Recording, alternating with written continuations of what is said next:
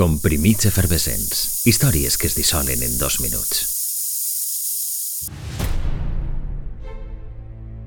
Fou un segrest i un posterior assassinat que continua formant part de la memòria col·lectiva dels italians. Un magnicidi que va commocionar el país i que a dia d'avui encara manté moltes incògnites per resoldre. És el cas Kennedy dels italians. Un 16 de març, en una operació preparada al mil·límetre, segrestaven qui fora en dues ocasions primer ministre d'Itàlia, Aldo Moro.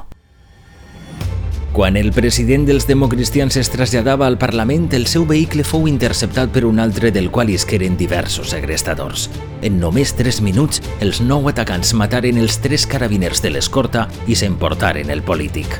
D'immediat es posaria en marxa un gran dispositiu per a localitzar els segrestadors, però els 13.000 policies mobilitzats, els 40.000 escorcolls domiciliaris i els 72.000 controls de carretera no serviren de res. Els terroristes de les Brigades Roges reivindicaren el segrest i emeteren fins a nou comunicats en els que miraren de negociar l'intercanvi per diversos presos de la banda.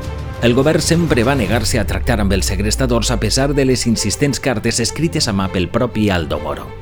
De res van servir les pressions dels segrestadors que optaren per assassinar l'ex-primer ministre i abandonar el cos en l'interior d'un cotxe a poca distància de la seu del Partit dels Democristians, 55 dies després d'aquell 16 de març de 1978.